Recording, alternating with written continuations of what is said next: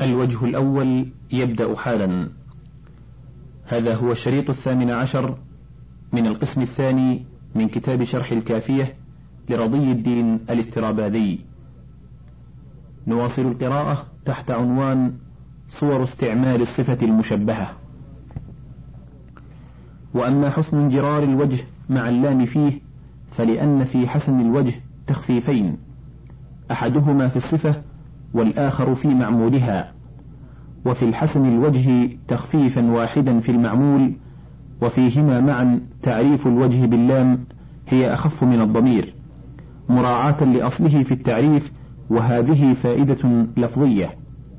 وأما من حيث المعنى ففيهما الإبهام ثم التفسير. وإن لم يكن الوجه منصوبا على التمييز كما في الأولين. والدليل على انتقال الضمير فيهما إلى الصفة قولك هند حسنة الوجه والزيدان حسن الوجهين والزيدون حسن الوجوه. ولا تأتي هذه العلامات في الصفة إلا وفيها ضمائر مستترة إلا في الندرة نحو قام رجل قاعدون غلمانه. وإنما جاز إسناد الصفة إلى ضمير المسبب بعد إسنادها إلى السبب لكونها في اللفظ جارية على المسبب خبرا أو نعتا أو حالا. وفي المعنى دالة على صفة له في نفسه سواء كانت هي الصفة المذكورة كما في زيد حسن الوجه فإنه حسن بحسن وجهه. أو لا نحو زيد غليظ الشفتين أي قبيح. فإن لم تجر في اللفظ على المسبب نحو زيد وجهه حسن أو جرت لكنها لم تدل على صفة له في ذاته لم يجز استكنان الضمير فيها فيقبح زيد أسود فرس غلام الأخ وزيد أبيض الثور وزيد أصغر غلاما. لأنه لا معنى للجميع إلا أنه صاحب سبب متصف بالوصف المذكور فيقبح أن يجعل صفة سببه كصفة نفسه فيضمر فيها ضمير نفسه إذ لم تدل صفة سببه على صفة نفسه. فإن قيل أليس تدل الصفة في نحو زيد أبيض ثوره على صفة له في ذاته وهي كونه صاحب ثور كذا قلت معنى كونه صاحبه مفهوم من كون الثور سببا لزيد لا من صفة السبب وإنما حسن جبان الكلب لأنه كناية عن كرمه أي هو كريم. قال الحزن بابا والعقور كلبا فعليك العبرة بما ذكرت. ومسألة لا قبيحة ولا في غاية الحسن وهي حسن وجه بالجر. إذ كل ما ذكرنا في حسن الوجه حاصل فيها إلا مطابقة المعمول لأصله في التعريف أعني وجهه. وأربع مسائل قبيحة قبحا لا ينتهي إلى منعها في حال السعة وتخصيصها بضرورة الشعر وهي الحسن وجه وحسن وجه والحسن الوجه وحسن الوجه برفع المعمول في جميعها. والأوليان أقبح من الأخريين لعدم موافقة المعمول فيهما لأصله في التعريف. ووجه قبح الأربع خلو الصفة من عائد إلى الموصوف وحذف الجار مع المجرور قليل قبيح. أي وجه منه والوجه منه. وقال أبو علي الوجه ووجه بدلان من الضمير المستكن في الصفة. قاله في قوله تعالى مفتحة لهم الأبواب. وهذا غسل الدم بالدم لأن بدل البعض وبدل الاشتمال لا يخلوان من ضمير المبدل منه في الأغلب. وقال الكوفيون اللام في الوجه بدل من الضمير كما في قوله لحافي لحاف الضيف والبرد برده فالوجه باق على الفاعلية كما كان في الأصل. وقد تقدم أن إبدال اللام من الضمير فيما يشترط فيه الضمير قبيح عند البصريين. ومسألتان فيهما وجه, وجه حسن لكن قل استعمالهما لاستنكار استنكار في الظاهر وهما الحسن الوجه وحسن الوجه بنصب الوجه فيهما. أما وجه حسنهما فلكون النصب توطئة للجر وهو حسن كما مر وأما استنكار ظاهرهما فلنصب ما هو فاعل حقيقة لا على التمييز. وعند الكوفيين نصب المعرف في مثله على التمييز لتجويزهم تعريف المميز كما مر في بابه. وثلاث مسائل قبيحة لا تجوز إلا في ضرورة الشعر. عند البصريين جائزة في السعة بلا قبح. عند الكوفيين وهي الحسن وجهه وحسن وجهه بنصب وجهه فيهما وحسن وجهه بجر وجهه كما مر. ومسألتان باطلتان اتفاقا الحسن وجهه والحسن وجه بجر المعمول فيهما كما تقدم والمجموع ثمانية عشرة مسألة.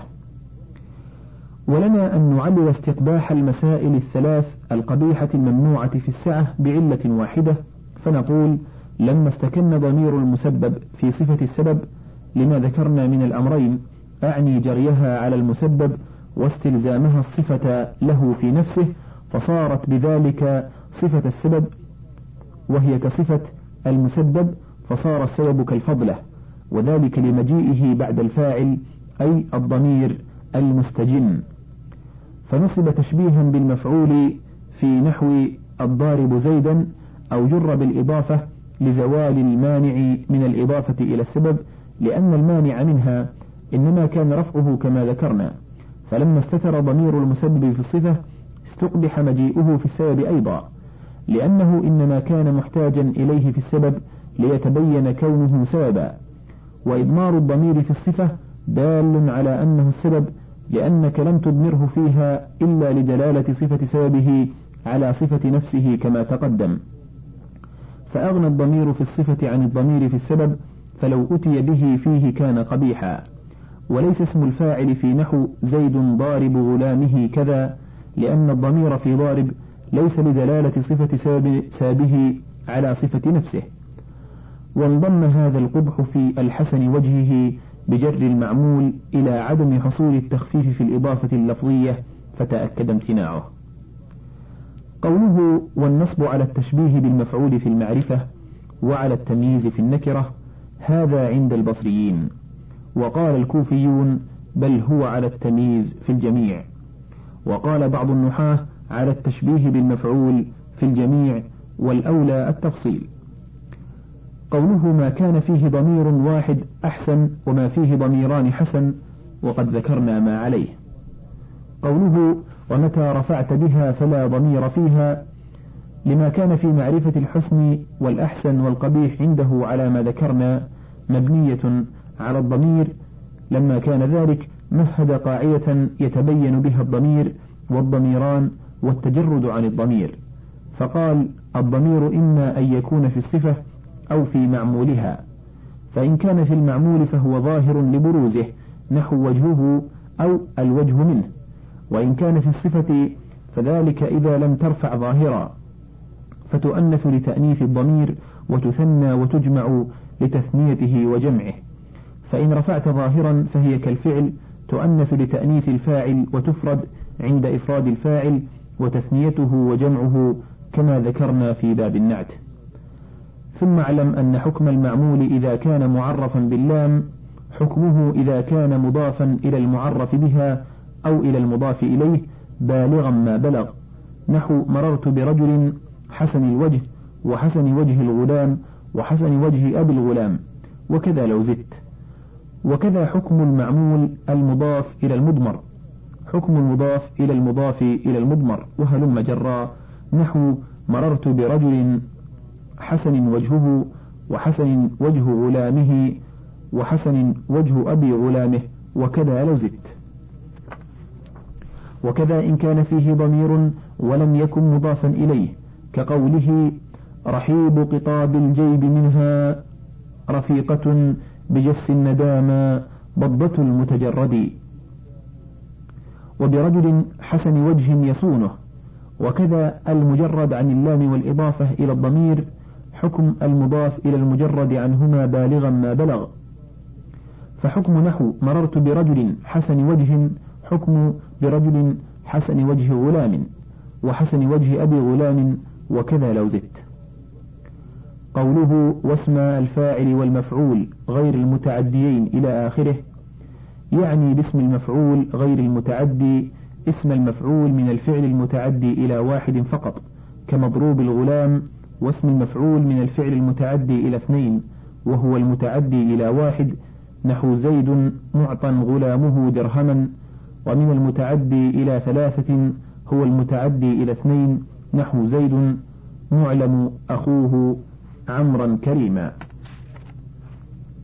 تقول في اسم المفعول اللازم زيد خارج الغلام وشامخ النسب وفي اسم المفعول اللام مضروب الغلام ومؤدب الخدام سواء كان بمعنى الماضي أو بمعنى المضارع أو للاستمرار أو للإطلاق. فإن رفعهما للمسند إليه لا يحتاج إلى شرط زمان كما مر في باب الإضافة. فإذا جاز في معمولهما الرفع جاز النصب والجر أيضا لأنهما فرعاه كما مر فيجيء في كل واحد منهما الثماني عشرة مسألة. وكذا يجوز انتقال الضمير إليهما من المعمول ثم نصب المعمول أو جره إذا كان يحصل لصاحبهما المتقدم وصف باتصاف مرفوعهما بمضمونهما كما قلنا في الصفة المشبهة سواء. فلا يجوز زيد قائم أبا ولا قائم ابن العم بجر المعمول ولا مضروب مملوك أخ ولا مشروب ماء الأخ. هذا وأما إذا كان متعديين نحو زيد ضارب غلامه عمرا ومعطى أخوه درهما أو معطى عمرو ثوبه فإن حذفت المفعول لم يجز نصب الفاعل وجره اتفاقا لئلا يشتبه بالمفعول بخلاف الصفة المشبهة واسمي الفاعل والمفعول اللازمين فإنه لا مفعول لها حتى يشتبه المنصوب والمجرور به. وإن ذكرت المفعول منصوبا بعد الفاعل فإن أمن التباس المنصوب أو المجرور بالمفعول لم يمتنع عند أبي علي نصب الفاعل أو جره إجراء له مجرى حسن الوجه ومنعه غيره. وقد يجري بعض الأسماء الجامدة مجرى الصفات المشبهة نحو فلان شمس الوجه أي حسن الوجه فتجيء فيه المسائل المذكورة وهو قليل. قيل لا تعمل الصفة المشبهة في الأجنبي كما يعمل اسم الفاعل والمفعول بل تعمل في السبب فقط وليس إطلاقهم هذا القول بوجه بل تعمل في غير السبب إذا كان في معمول في معمول آخر لها ضمير صاحبها نحو برجل طيب في داره نومك. وكذا إذا اعتمدت على حرف الاستفهام أو النفي نحو أحسن الزيدان وما قبيح الزيدون فإنه لا صاحب لها هنا حتى تعمل في سببه.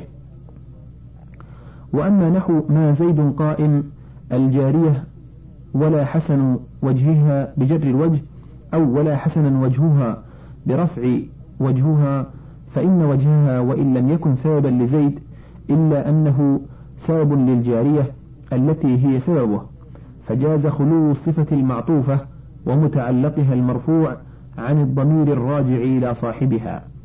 لأن الضمير الذي أضيف وجه إليه راجع إلى جاريته التي هي مضافة إلى ضمير الموصوف. فكأنه قيل ما زيد حسنا وجه جاريته فهو حمل على المعنى كقولك مررت برجل حسنة جاريته لا قبيحة وبرجل غلاماه لا قاعدين. ومن هذا الباب عند المبرد جونتا مصطلاهما كما مر لأن أصله جون مصطلاهما أي مصطلى الأعالي أي مصطلى أعاليهما. فلما قصد الإضافة حذف الضمير الذي أضيف إليه أعالي واستتر في جون فصار جونتا وأدخل اللام في أعالي ليتعرف باللام كما كان متعرفا بالإضافة ثم أقام موضع الأعالي ضميرا راجعا إليه لتقدم ذكره وجعله مثنى لكون الأعالي ها هنا في معنى الأعليين. فليس عنده إذا من باب حسن وجهه بالإضافة لأنك لا تحذف الضمير ها هنا من وجهه كما حذفت من أعاليهما. عنوان أفعل التفضيل وأحكامه تعريفه. قوله اسم التفضيل ما اشتق من فعل لموصوف بزيادة على غيره وهو أفعل. ينتقد بنحو فاضل وزائد وغالب.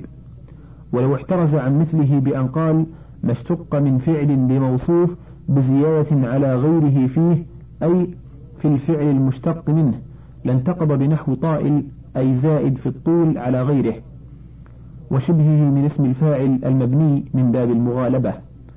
والأولى أن يقال هو المبني على أفعل لزيادة صاحبه على غيره في الفعل أي في الفعل المشتق هو منه فيدخل فيه خير وشر لكونهما في الأصل أخير وأشر فخففا بالحذف لكثرة الاستعمال وقد يستعملان على القياس.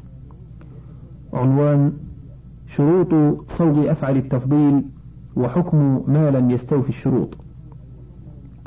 قوله وشرطه أن يبنى من ثلاثي مجرد ليمكن البناء وليس بلون ولا عيب لأن منهما أفعل لغيره نحو زيد أفضل الناس فإن قصد غيره توصل إليه بأشد ونحوه مثل هو أشد استخراجا وبياضا وعما.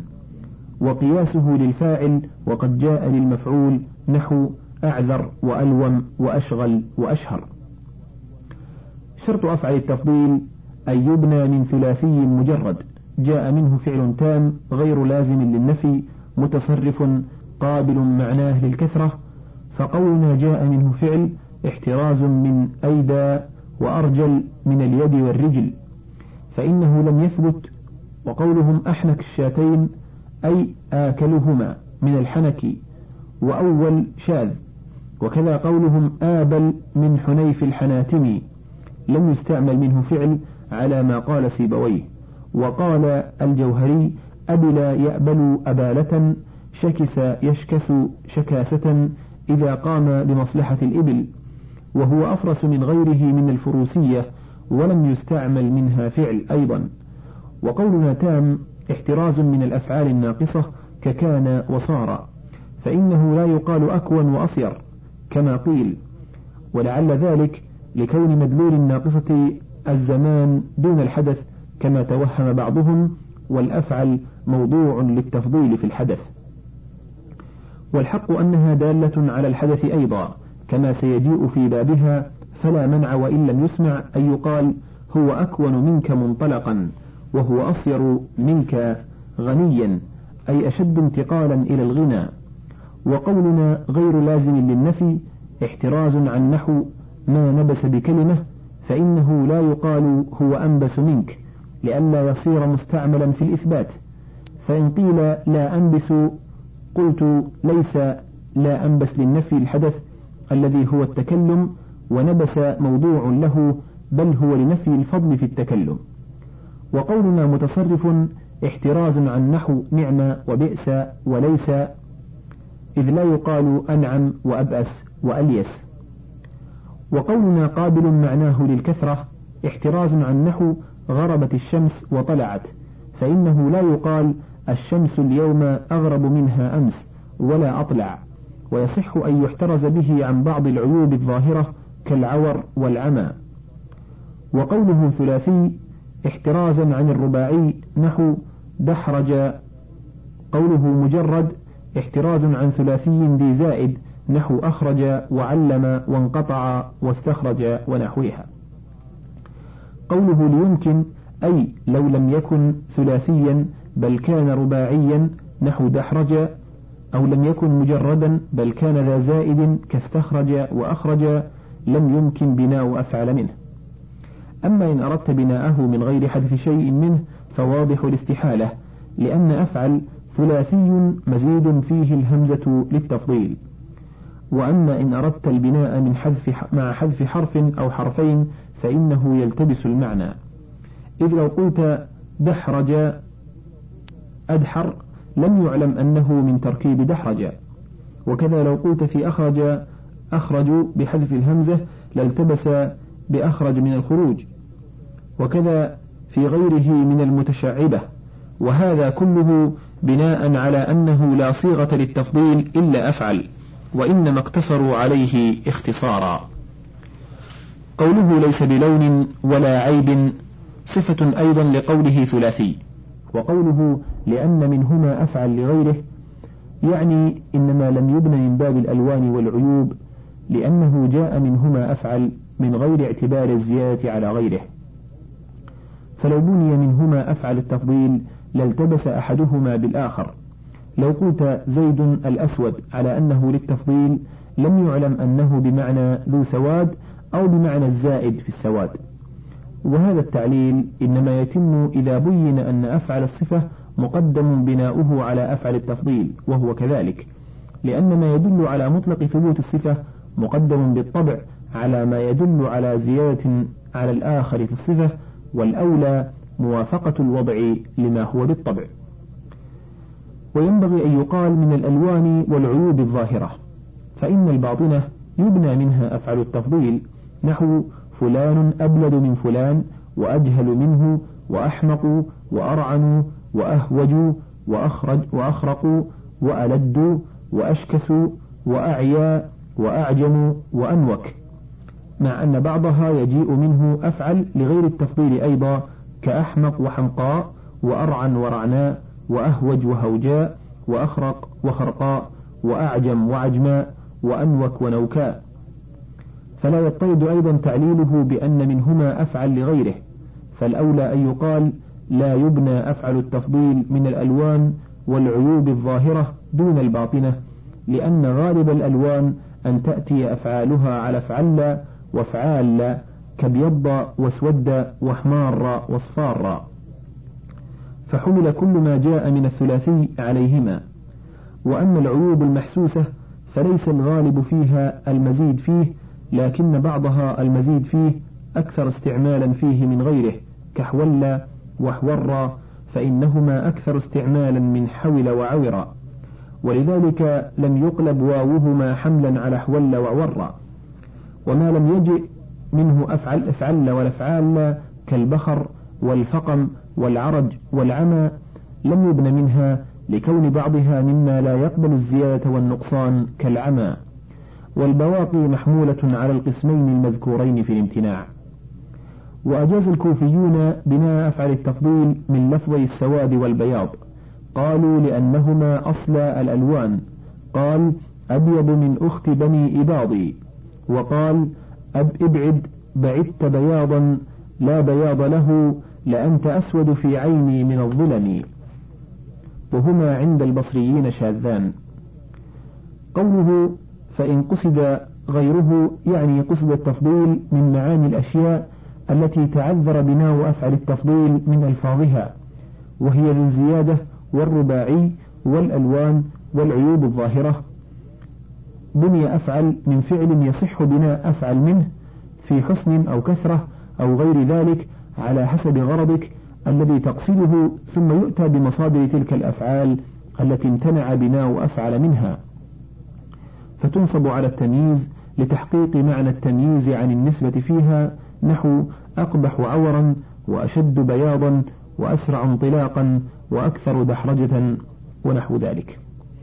وهو عند سيبويه قياس من باب أفعل مع كونه ذا, زياد ذا زيادة ويؤيده كثرة السماع كقولهم هو أعطاهم للدينار وأولاهم للمعروف وأنت أكرم لي من فلان وهو كثير.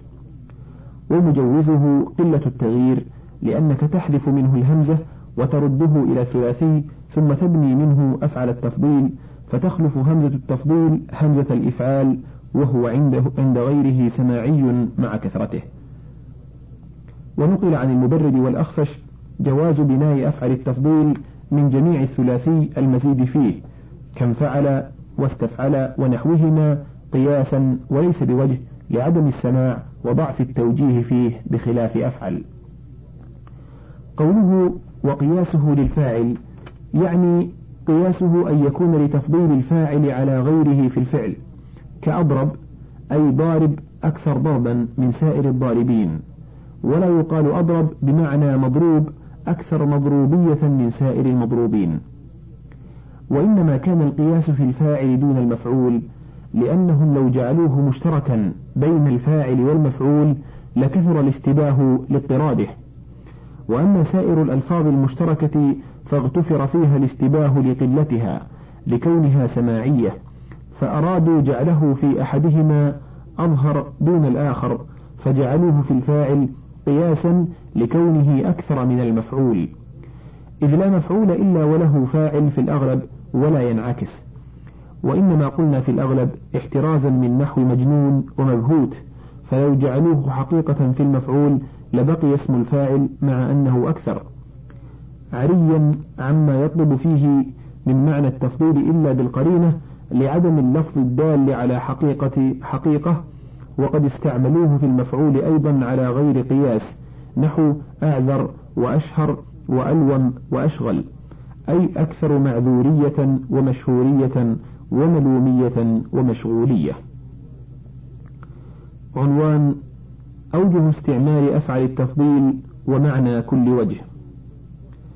قوله ويستعمل على أحد ثلاثة أوجه مضافا أو بمن أو معرفا باللام فإذا أضيف فله معنيان أحدهما وهو الأكثر أن يقصد به الزيادة على من أضيف إليه ويشترط أن يكون منهم نحو زيد أفضل الناس ولا يجوز يوسف أحسن إخوته لخروجه عنهم بإضافتهم إليه.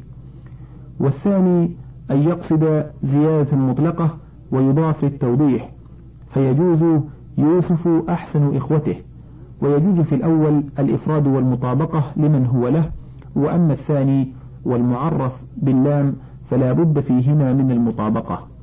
والذي بمن مفرد مذكر لا غير فلا يجوز زيد الأفضل من عمرو ولا زيد أفضل إلا أن يعلم.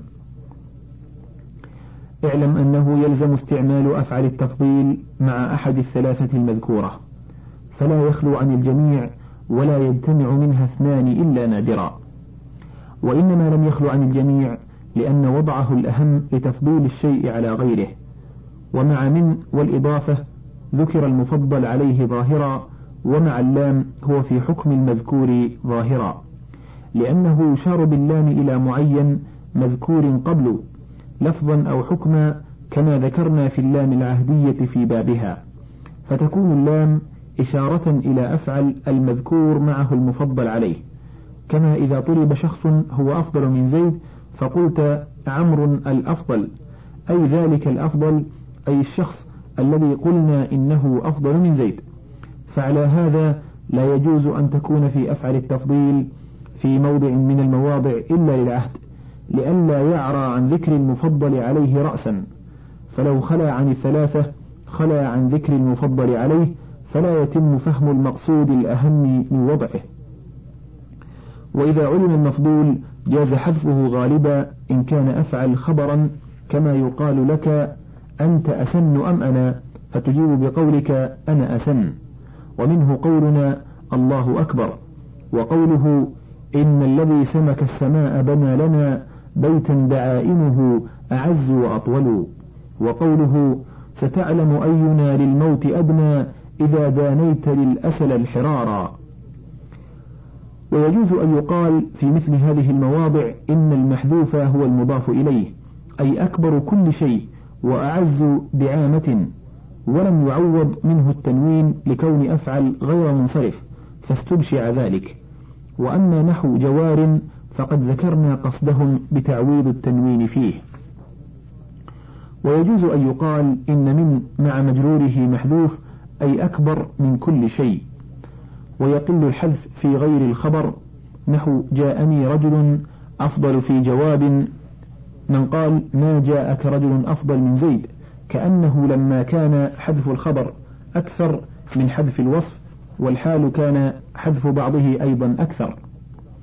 وإنما لم يجتمع من الثلاثة المذكورة شيئان لأن كل واحد منهما يغني عن الآخر في إفادة ذكر المفضول كما ذكرنا. ولا فائدة في ذكر واحد منهما إلا ذاك فكان ذكر الآخر لو ذكر أحدهما لغوا وأما قوله ولست بالأكثر منهم حصى وإنما العزة للكافر فقيل من فيه ليست تفضيلية بل للتبعيض أي لست من بينهم بالأكثر حصا. وهذا كما تقول مثلا أريد شخصا من قريش أفضل من عيسى عليه السلام فيقال محمد عليه الصلاة والسلام الأفضل من قريش أي أفضل من عيسى من بين قريش. ويجوز أن يحكم بزيادة اللام ومن تفضيلية كما في قوله ورثت مهلهلا والخير منه زهيرا نعم ذخر الذاخرين انتهى الوجه الأول